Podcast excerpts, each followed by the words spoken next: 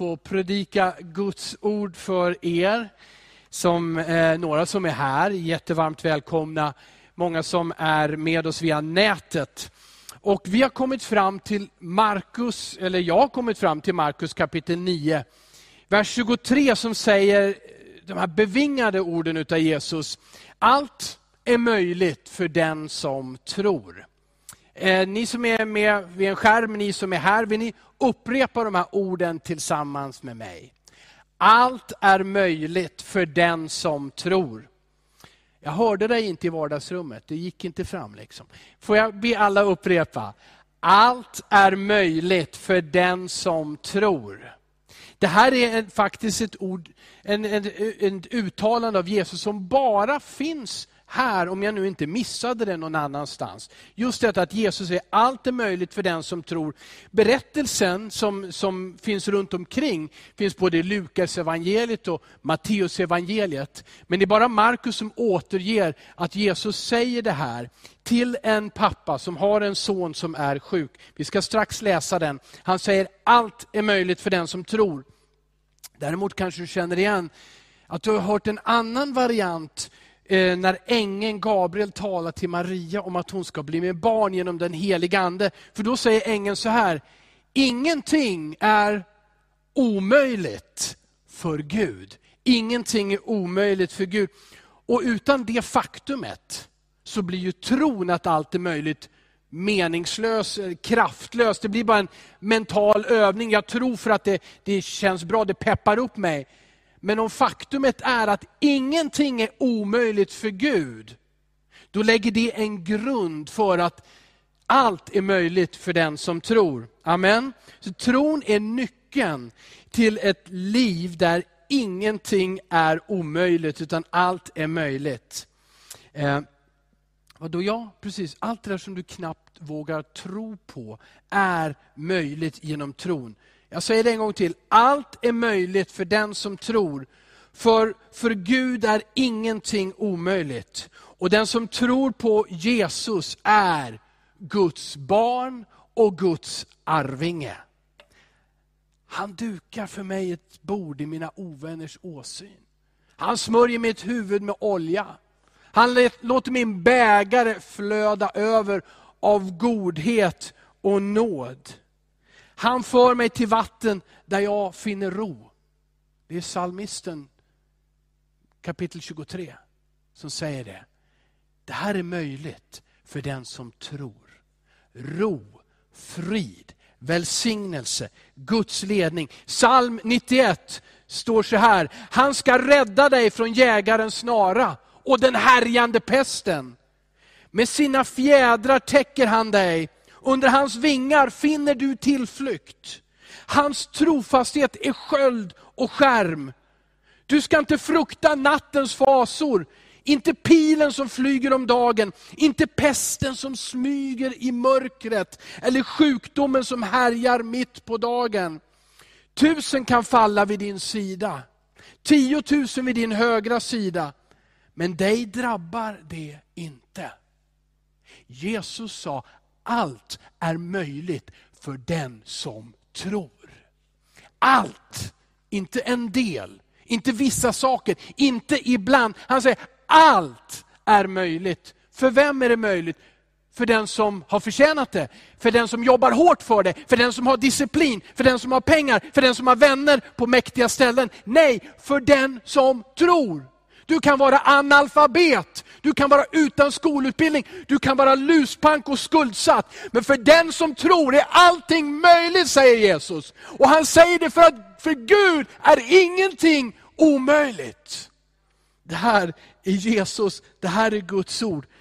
Därför så, men tankarna, våra tankar är ett krigsfält. Har du insett det? Där bestäms så mycket av vad som sen sker i ditt liv.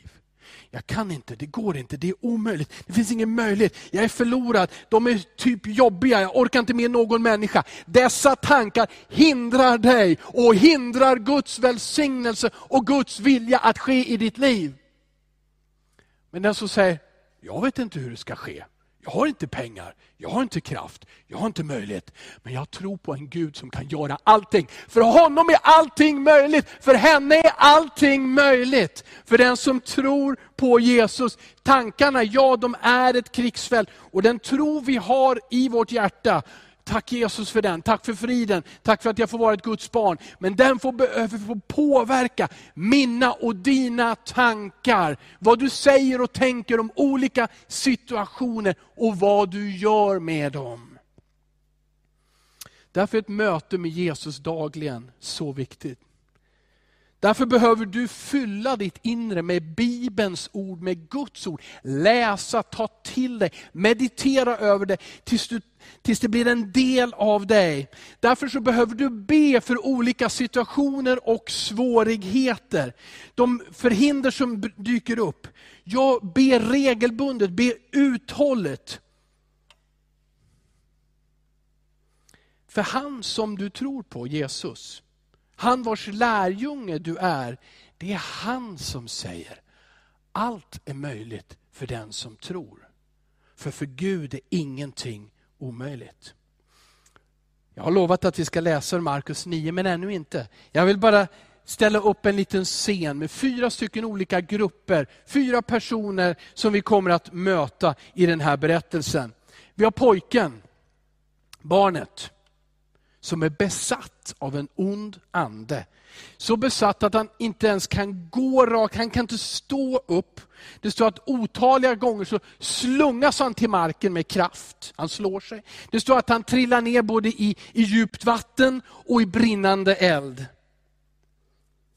När han möter Jesus så står det helt fantastiska ord. Han är den första vi tittar på i den här berättelsen. Det står så här i Markus 9, 26 och 27. De flesta sa att pojken var död. Lyssna.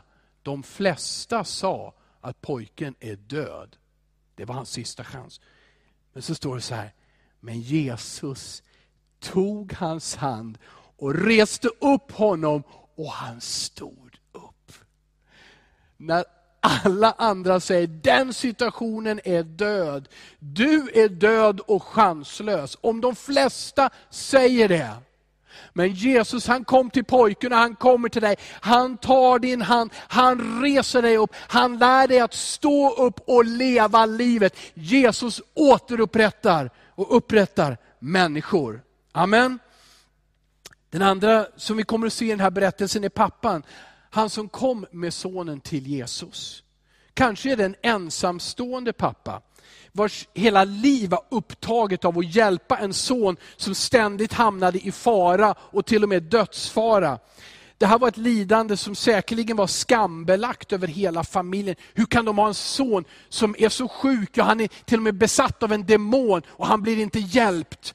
Och man förband det här säkert med föräldrarna, det var deras fel och så vidare. Det var skam, de var de hade ett utanförskap och det här var den här pappans liv. För uppenbarligen så älskar han sin son, att han hela tiden försökte hitta hjälp. Men han blev så ofta besviken. Det här var en pappa som kanske inte längre vågade, orkade eller kunde tro. Men han kommer till Jesus med sin son.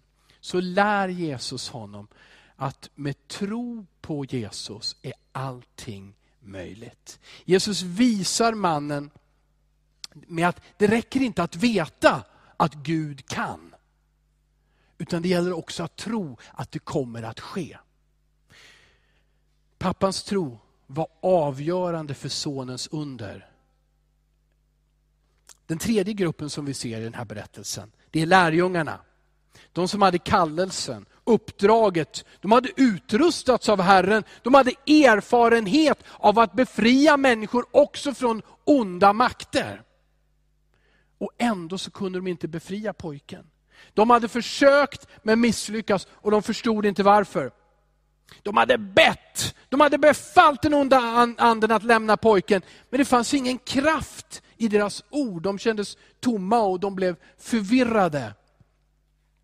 Men Jesus skulle förklara för dem att den sorten kan bara drivas ut med bön och fasta. Det räcker räcker inte att ha utrustningen. Det räcker inte att ha fått en stor kallelse av Gud. Du och jag behöver relationen. Vi behöver direkt, ja det är fantastiskt att vara frälst. Ja, du kan bli döpt i den heliga Ande och det finns stora löften, men du kan ändå vara svag om du inte lever i ett beroendeförhållande av Gud, där du tror på Jesus Kristus. Det finns utmaningar som visar att det finns kristna med kraft, men det finns också kristna som egentligen präglas mer av rädsla och svaghet än av tro på Jesus. Gud är inte med vissa kristna för att de är elitkristna och duktiga. Gud är med alla. Men alla kristna är inte med Gud. Förstår du?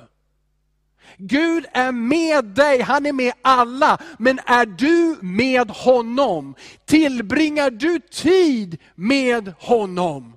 Lyssnar du genom att läsa Bibeln, Guds ord? Läser du om och om igen, frågar andra, slår upp kommentarer på nätet tills du förstår vad du läser. För du är driven av en tro på Jesus, tacksam för en kärlek, att han har dött på ett kors för dig och mig. Lever du med Gud? Han lever med dig. Lärjungarna kom till Jesus och sa, lär oss att be. För de såg hur han bad till sin fader. De ville lära sig att be. Söker du Gud på det sättet och säger, Jesus lär mig att be. Lär mig att be en minut, lär mig att be fem minuter, lär mig att be en kvart, lär mig att be en timme. Lär mig att hålla ut, lär mig att inte tänka alla negativa tankar och sen någon gång så kommer någon annan kristen och säger, ska du inte prova på att be? Utan lär mig att när jag möter en problem, ett utmaning, så ber jag och så ställer jag det under Jesu makt och auktoritet. Du är Gud, för dig är allting möjligt. Jag tror på dig. Och jag fortsätter att be, för jag vill se Guds rike komma. Är du med Gud? Han är nämligen med dig. Den sista gruppen är de skriftlärda. De religiösa ledarna, de finns också där. De som kommer fram när kraften saknas. Det sker inget under. Lärjungarna ber, de befaller, det sker ingenting. Då kommer de skriftlärda, de religiösa, som alltid har vetat hur det egentligen är. Och säger, mm, mm, mm, det händer ingenting. Ha? Det händer ingenting. Så börjar de diskutera med lärjungarna.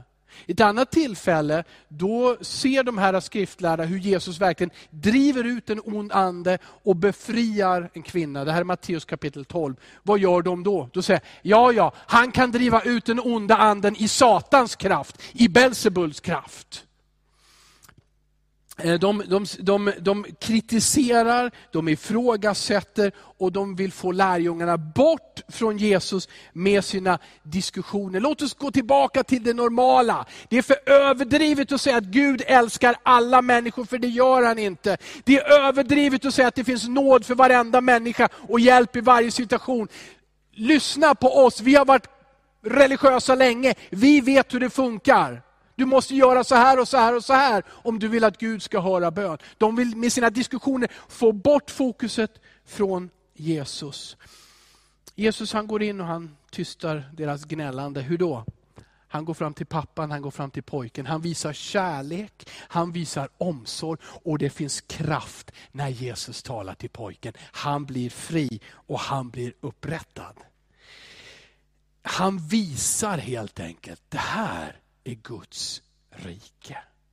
Och Lukas evangeliet som avslutar den här berättelsen så här, så att alla var överväldigade av Guds stora makt.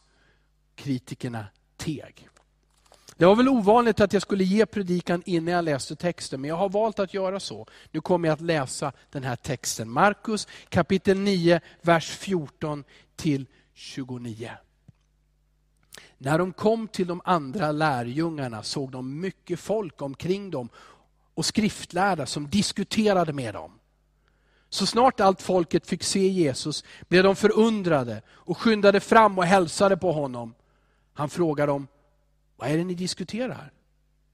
En i folkskaran svarade honom, Mästare, jag har kommit till dig med min son som har en stum ande.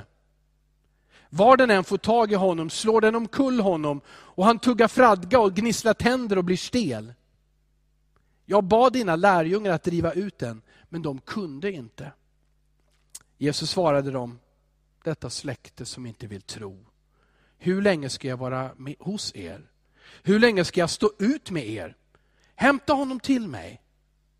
Och de kom med honom till Jesus. Så snart anden fick se honom slet den och ryckte i pojken. Han föll till marken och vred sig och tuggade fradga. Jesus frågade hans far, hur länge har det varit så med honom? Fadern svarade, sedan han var barn. Ofta har de kastat honom i elden och i vattnet för att ta livet av honom.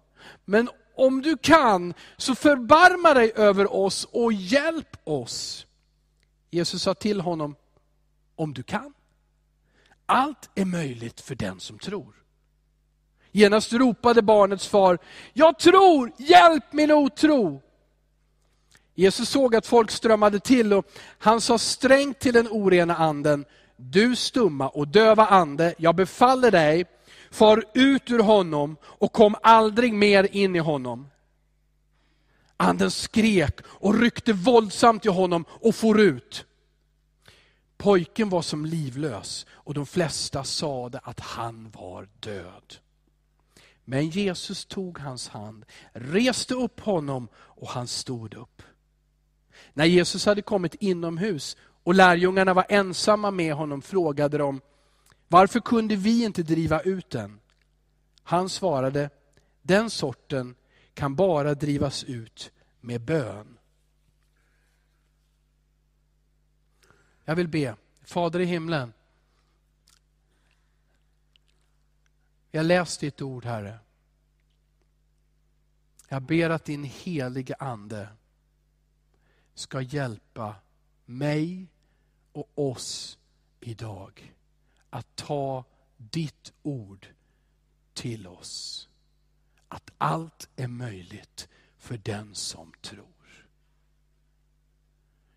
Hjälp oss att inte räkna ut oss själva eller andra, men att vända oss till dig. Komma till dig med våra sorger, med våra bekymmer, med våra älskade. Och lära oss av dig att tro på ditt ord. Att lära oss att bedja. Att lära oss att när du är där, då förändras allt. Herre, jag ber att du ska fortsätta att tala genom ditt ord och genom din ande. Hjälp oss att inte bara läsa och höra ditt ord. Utan jag ber att den helige Ande i allas hjärtan ska föda tro. Låta den växa Herre. Herre i Jesu namn, Herre, när vi börjar tänka på det svåra, på det där problemet som inte har gett med sig sedan lång tid. Då ber jag att tron ska komma till, Herre, och förändra vår syn på det problemet. Herre, jag ber i Jesu namn, Herre. Herre, du vet att vi ropar till dig för våra barns, våra föräldrars, våra syskons frälsning. Vi ropar till dig för våra grannar, vår omgivning, medmänniskor. Att de ska få se och uppleva dig Herre. Ge oss tro oavsett besvikelser, oavsett ointresse Herre. Men jag ber, hjälp oss att tro på dig och fortsätta att vittna om dig Herre Jesus Kristus. Herre, oavsett hur länge vi har varit sjuka, hur ont det gör. Gud, jag ber, hjälp oss var och en idag att få ett fokus på dig Jesus.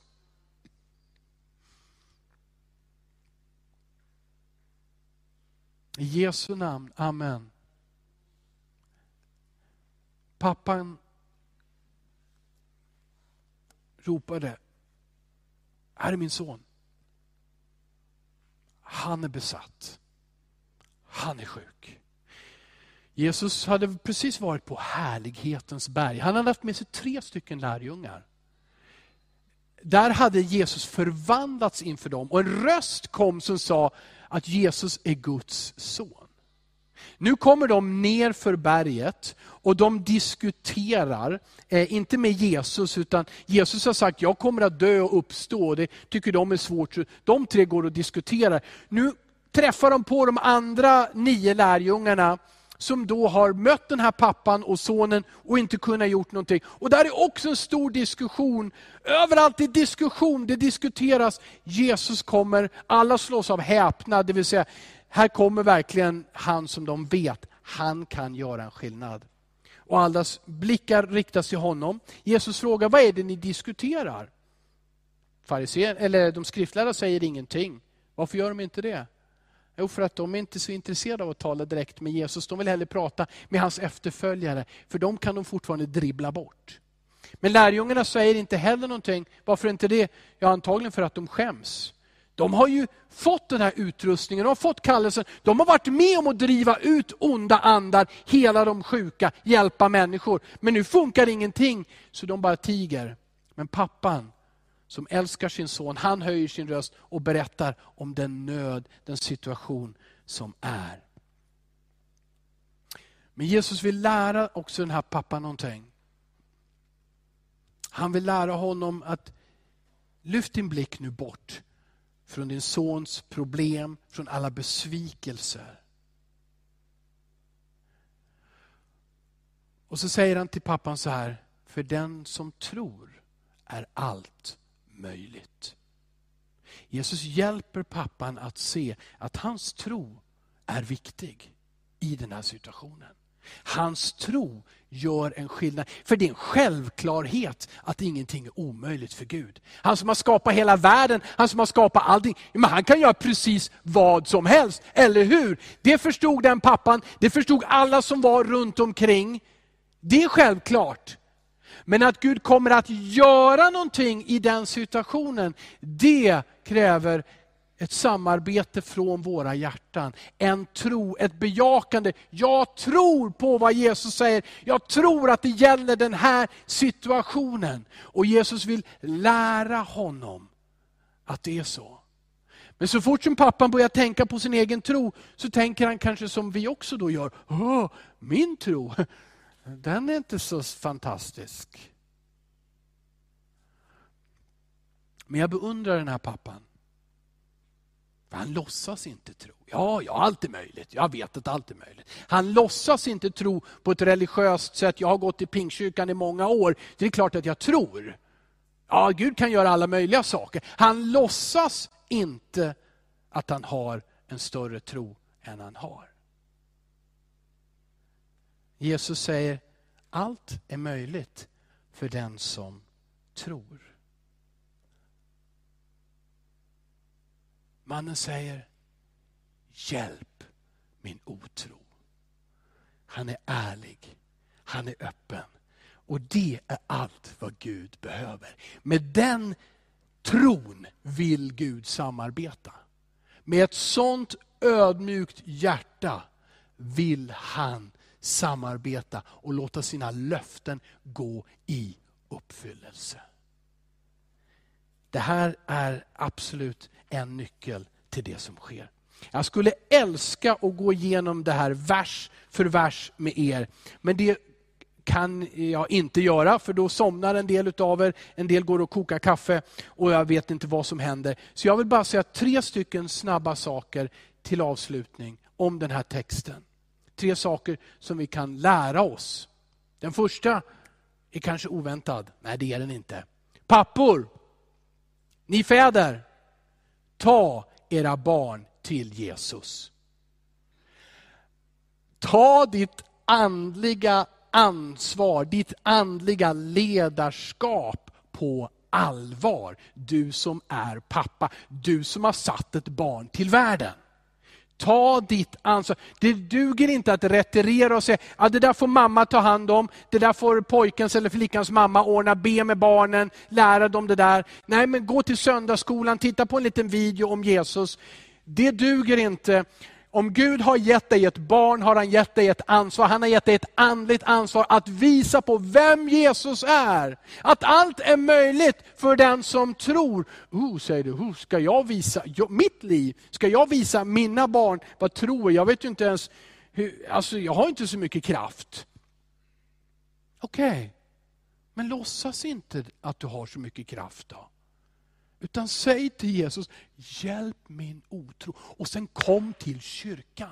Se till att vara där i en hemgrupp, i en gudstjänst, där man läser Guds ord, där man talar om det, där man ber tillsammans med varandra. Du som är pappa och tycker att din tro är för svag, du har ingen kraft. Ja men sök ut, det finns massor med biblar och massor med hjälp på nätet och alltihopa. Det är inte långt borta. Det är möjligt för dig att få ett fantastiskt liv som du kan berätta för dina barn om. Det är möjligt för dig att inte tala bara om ditt fantastiska liv, utan om Jesus. Fäder och mödrar, ta ert ansvar för era barn.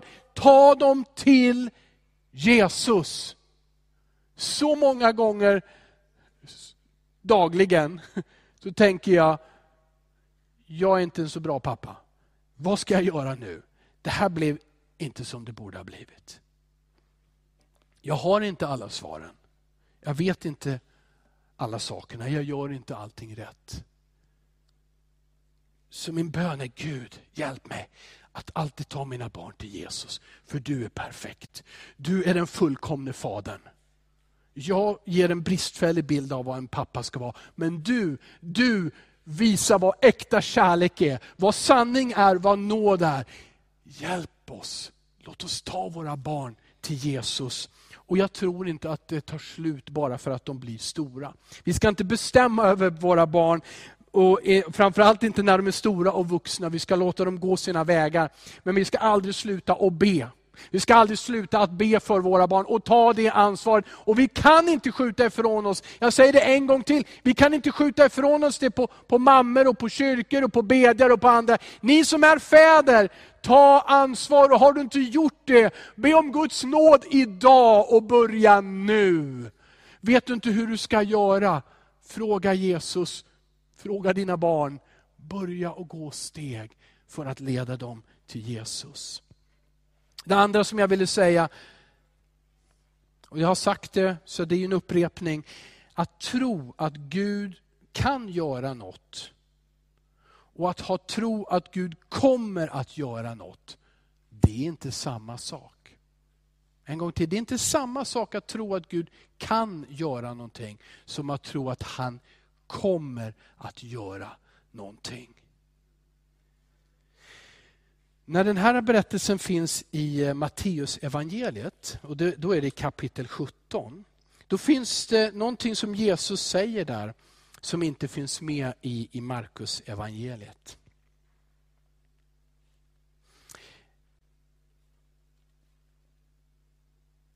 Frågan är väl så här egentligen då, hur mycket tro behöver man då? Hur mycket tro behöver jag för att det ska ske en skillnad? Hur mycket tro är nödvändigt. Och då sa Jesus till lärjungarna så här. När lärjungarna hade blivit ensamma med Jesus kom de och frågade, Matteus 17, vers 19 och 20. Varför kunde inte vi driva ut den onda anden? Han svarade, därför att ni har så lite tro. Jag säger er sanningen, om ni har tro bara som ett senapskorn, och då står det i min kommentar att ett senapskorn är en till två millimeter stort. Om ni har tro bara som ett senapskorn ska ni säga till det här berget, flytta dig dit bort och det kommer att flytta sig. Ingenting kommer att vara omöjligt för er. Men lärjungarna hade ju tro. De trodde ju på Jesus, de följde Jesus, de hade kastat ut onda andar, de hade helat sjuka. De hade ju tro på att Gud kunde göra någonting. Men ändå så säger Jesus, er tro är liten. Är den för liten? Han säger, nej det behövs bara ett senapskorn. Och jag tror att för lärjungarna blir den här pappan med sin längtan, där han säger, jag vill tro, hjälp min otro. Han blir en lektion för dem där de lär sig någonting utav pappan. Han bekände sin svaghet, sin lilla tro, men det ärade Gud. Och så kommer jag in på det tredje och sista. För hur växer senapskornet? Hur blir senapskornet till en planta, en buske, ett träd som växer upp? och ger frukt? Jo, över tid genom att vårdas. Och det är Guds relationen. Du kan vara frälst. Du kan vara andedöpt. Du kan ha för ett år sedan, två år sedan, tio år sedan ha profeterat i Guds namn. Du kan ha bett för någon som var sjuk och han eller hon blev frisk. Men att ha en utrustning är inte samma sak som att använda den. Och att ha kraften när det behövs. Du och jag behöver den dagliga relationen, jag vill säga den ständiga relationen med Jesus Kristus. Det här beroendet av honom. I den här berättelsen kanske kan du få symbolisera det. Jesus var på berget och någonstans i det som gick fel och inget, inget under skedde och människor diskuterade, tappade de bort tråden och tron och relationen och vände sig inte till Jesus förrän han kom tillbaka. Men du och jag har en möjlighet att vårda vår relation med Jesus. Att ta tid att vara beroende. Du kan börja här och nu. Men jag vill också säga att du kan ta tid. Vi har utropat en bön och fastetid när sommarsemestrarna är över.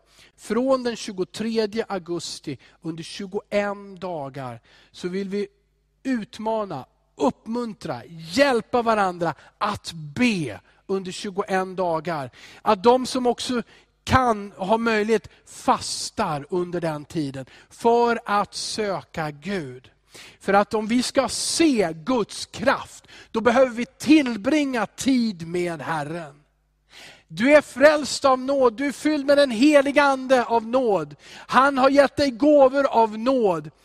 Men du behöver leva i beroende med honom för att kraften ska finnas där. Den utmaningen till dig och mig, tänker jag, så här på slutet. Det är att om det kunde ske för lärjungarna att deras tro var för liten och att det saknades kraft när det verkligen gällde. Då kan det hända för mig, då kan det hända för dig. Då kan vi ta det som en varning. Så det är inte självklart, jag är medlem i Pingstkyrkan, jag har blivit döpt där. Ja, då måste jag ju komma till himlen, då är Gud alltid med. Men varför sker det så mycket konstiga, och dåliga och svåra saker? Ta hand om relationen med Jesus.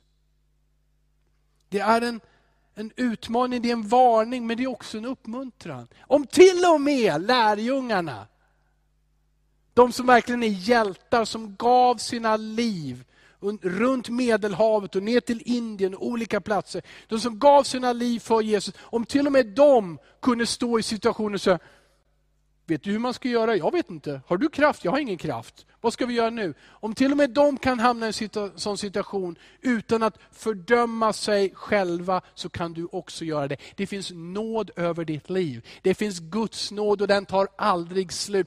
Vi bekänner våra svagheter, vi står för våra fel. Vi bekänner och ger dem till Gud och han renar oss. Amen. Han förlåter oss och han ger oss nåd att ställa oss upp och gå vidare med honom. Ska vi be tillsammans och sen tänker Rut och jag sjunga en sång som vi känner på, har fått på hjärtat att vi ska sjunga idag. Fader i himlen. Tack för att du, ja, med, med teknikens hjälp så är vi samlade idag Herre. Vi, vi, några ser oss på skärmar Herre och jag tror eller jag ser att många är med och hör Herre.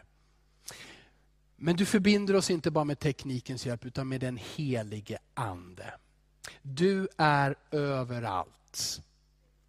Och du är i varje ensamt hjärta, Herre. Du är vid varje människa som kan känna sig ensam, bortglömd, svag. Herre, Herre, jag vågar be så här. Vi kommer till dig nu Jesus. Vi kommer till dig. Vi kommer med våra barn, vi kommer med våra bekymmer. Vi kommer med sjukdomar och svårigheter. Vi kommer och vi vet att mörkrets krafter finns där. De är skrämmande. Ibland är det demoniska krafter, Herre. Och vi känner oss små. Men vi kommer till dig. Och du Jesus, du ger oss tro. För att allt är möjligt för den som tror.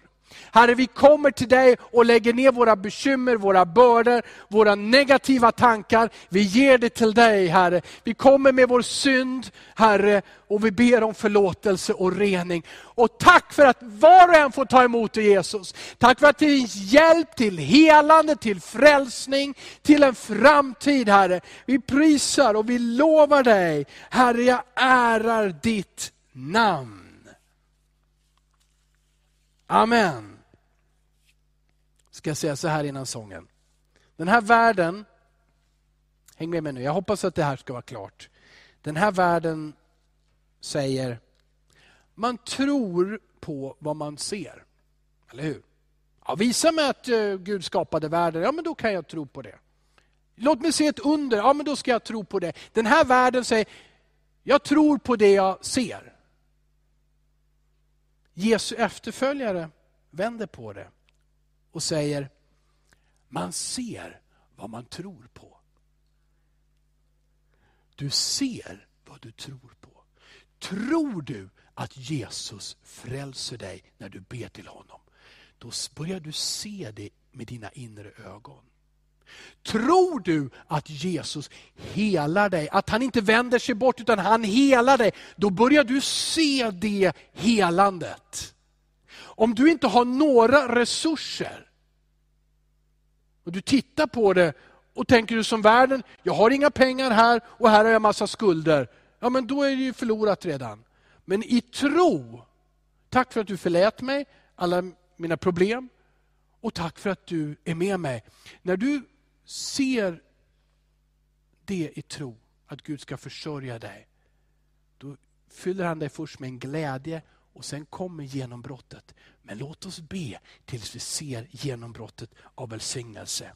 Och därför, vilken situation du än är i, sjung halleluja. Säg alltid halleluja. Säg lovat vare Gud, även om du står i en svår situation. Säg halleluja av hela hjärtat. Säg det igen. Säg det med övertygelse. Fortsätt att prisa Herren tills genombrottet kommer. Amen.